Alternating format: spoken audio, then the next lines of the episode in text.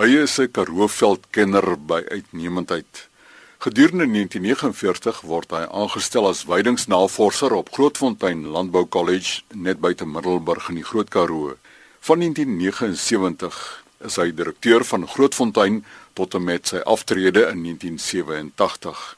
Nou in die sonkamer in sy huis hier op Middelburg gesels ons vanoggend met Dr Piet Roo oor hoe danig die Karoo veld oor tyd verander het. Hoe jy praat nou van die veld.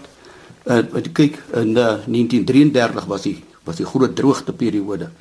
In daai tyd het Laap Grootfontein as gevolg van die droogte het hulle toe besluit om proewe uit te lê wat uh, wat die boere kan gebruik uiteindelik om hulle veld te verbeter aangesien dit so 'n moeilike tyd was.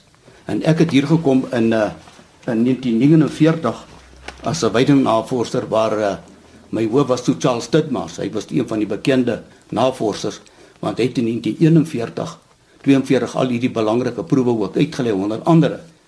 Maar eh, die toe die eerste keer wat ek veldopnames gemaak het, dis nou kwantitatiewe veldopnames waar jy moet 'n spesiale apparaat doen, was uh, in 49 was absolute laagtepunt in die bedekking in in in, uh, in die Karoo blok.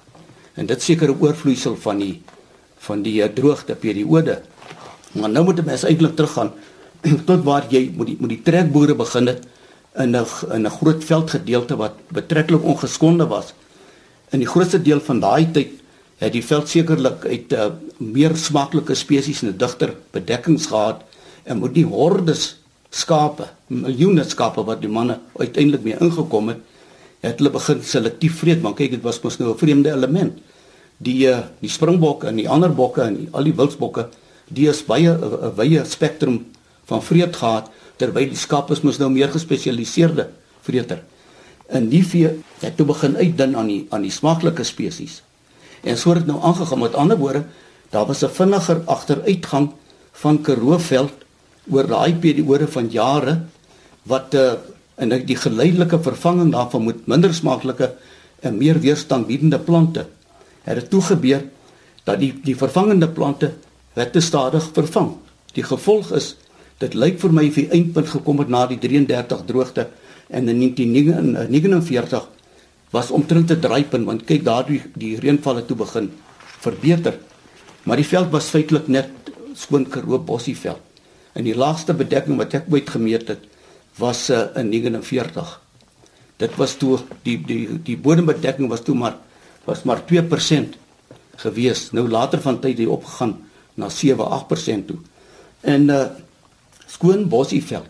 En toe daar begin toe net kort daarna was mos die die wolboom en toestande toe aansienlik verbeter.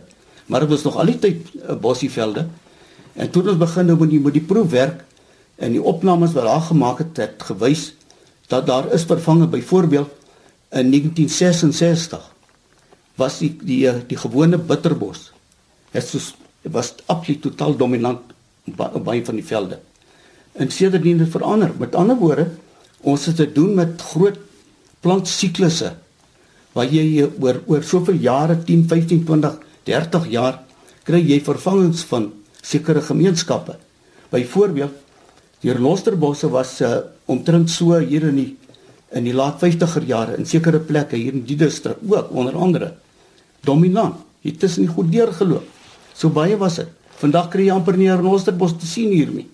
En so kry jy die groot siklusse wat klimaatsgedrewe is en wat ek ook voorsê die die biologiese verloop van die die lewensiklusse van plante. Dan kry jy oor tyd dat jy kry dan dan's bitterbos dominant. Dan is hierdie ander karoo, dan's karoo bossies dominant. Dan kry jy streek steekgrasjaar. En so kry jy die verskillende dominante ding. Vandag is nou heeltemal anderster. Die hele stelsel word beheer deur 'n uh, seisoensreënval. Byvoorbeeld, as jy nou reën kry in die, in die herfs en winter in die, in die vroeë lente, dan sê jy moet 'n koel 'n koeler reënval waar jy kry die stimulante is daar vir uh, vir bossies. Want kyk, groei meestal in die koeler dele. En as die reënval dan skuif na die somer toe, dan sit weer gras. Nou hierdie ons is nou net weer 'n groot grassiklus wat omtrent nou 20 jaar geduur het. Hy's nou besig om op te breek, lyk dit my. En uh nou verwag ek dat uh, ons is nou weer besig.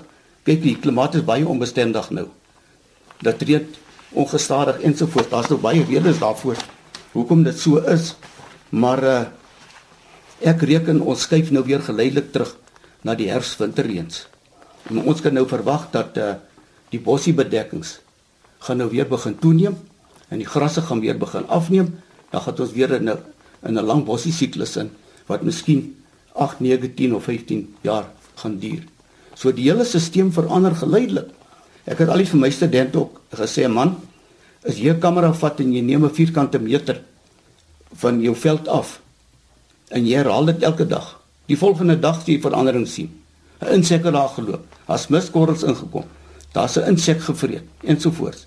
Soos hele hele totale dinamiese stelsel wêreldwyd dieselfde. So dit is basies wat gebeur. So ek sou reken op die huidige tydstip is die veld baie beter as wat dit was in 49. Die bedekkings is is digter. Die verskriklike groot kaalkolle wat ons vroeër jare gemeet het, die sien jy omtrent nie. Hulle is, hulle het toegegroei, maar hulle is nog baie sensitief in terme van bewyding wat jy kan kry as die weiveld eh, as jy moet vee inkom dat hulle hulle begin weer oopgaan want dit is sensitiewe kolle. Maar op hierdie moment sal ek sê 'n skaalkolle is nie meer 'n belangrike faktor nie. Maar uh, die ander baie belangrike ding wat verander het is, is wind. Toe ek op uh, op Grootfontein gekom het, het my hoof vir my gesê Charles Titmars onder andere ook John Eycox. Hulle was die man wat voorgestaan het woestynindringing, nê? Nee, hulle het ook verslae geskryf daaroor. In elk geval een van die goed wat hy in sy geskrifte gesit het is nou Charles Titmars. Hy gesê van die belangrikste veldweidingsprobleme is die warm weste en noordweste wind wat so ongedurig bly waai en als uitdroog. Vandag kry jy dit nie meer nie. Wat het van daai winde geword? Heeltemal verander. Ons kry nou winde die Augustus winter klaar klaar begin. Nou die wind storie, ek het ook navorsing gedoen op wat jy kry periodes waar jy die, die winde uh, betreklik stil en dan begin hulle weer toeneem. So dis 'n faktor wat baie belangrik is. So in in terme ek praat nou heeltemal iets anders maar klimaatsverandering is besig om plaas te vind wêreldwyd en hierdie is al simptome van 'n uh, van klimaatsverandering. En waar dit gaan eindig weet ek nie. Maar net om af te wyk interessant nou. Daar's ou wat 'n boek geskryf het uh, oor gaan climate and the affairs of men. Wat hy wys dat die hele dinamika van van politiek in in nasies en hulle industriële goed ensovoorts is klimaat basies klimaatsgedrewe. Want byvoorbeeld, nou sê ek iemand het eendag my gesê, "Man, nou praat jy sommer nonsens." Toe sê ek nou, "Hoe so?" Hy sê dat klimaat nou 'n invloed kan hê op die politiek. Sê ek, "Man, ek het met droogte te doen gehad. As daar 'n droogte jaar is en die boere kry subsidies, dan word dit 'n politieke kwessie." dit is dit is so wat dit is. Anderswoorde, alles wat vandag wêreldwyd gebeur, se basis is klimaat. En dit kry die vlugtelinge wat nou na Europa toe gaan, oorvlug van Afrika af. As die kos nie alsoos opgevreet, daar's nie meer reënval nie. Die damme is leeg, die damme word leer, né? Nee? So die grootste probleem vorentoe eh, hier wêreldwyd en veral in Suid-Afrika en Suidelike Afrika ongestuite bevolkingsgroei wat hoër druk plaas op die eh, natuurlike hulpbronne onder andere veld en natuurlik die die die oor eh, oorbenutting van jou van jou waterstelsels. En dis dit. So dit is wat wat is ek sou nou sê opgesom. Ons is beter af veldgewys as wat was toe ek begin het want daar's allerlei faktore wat betrokke is. En uh, maar die die my kontensie is nou dat die boere gaan begin. Algemeen die plase word groter baie mense trek weg. Konsolidasie van van gronde word groter.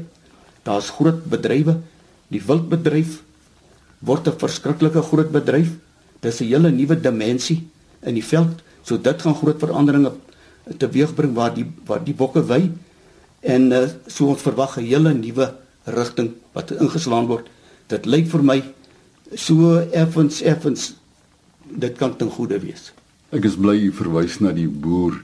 Hoe het die boer se gesindheid oor die afgelope amper 70 jaar wat u die veld ken verander? Wel Nee, dit is dit is 'n baie moeilike vraag. Hulle het al die al die gesindheid van hy weet beter as die ander ou.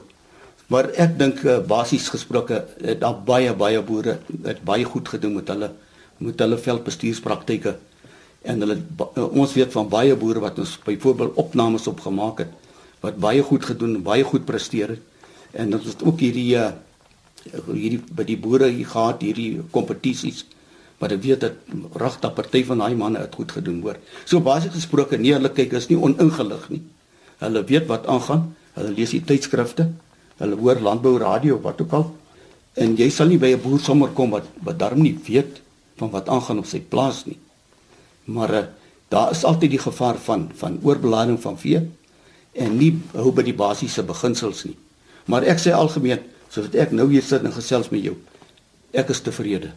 Kom ons kyk na die navorsingsy van die uh, plant hier in die Karoo. Hoe het dit oor die afgelope jare verander? Want Chris, ek sê vir jou sê die eintlike ding strek dat ek het vroeër af melding van gemaak strek daarvan 1934 af na die na die na die groot droogte waar hulle hier op Grootfontein wat toe 'n tamelike navorsingsstasie was kom uit van die van die volstrysera ensovoorts af was daar 'n uh, ene George Gill hy was die plantkundige op Grootfontein en hulle toe besluit iets moet nou gedoen word in terme van wetenskaplike veldbestuur. Want kyk, die plaas het oopgelê en heininge en goed was die plase was baie groot en uh, die sypings maar baie min ook.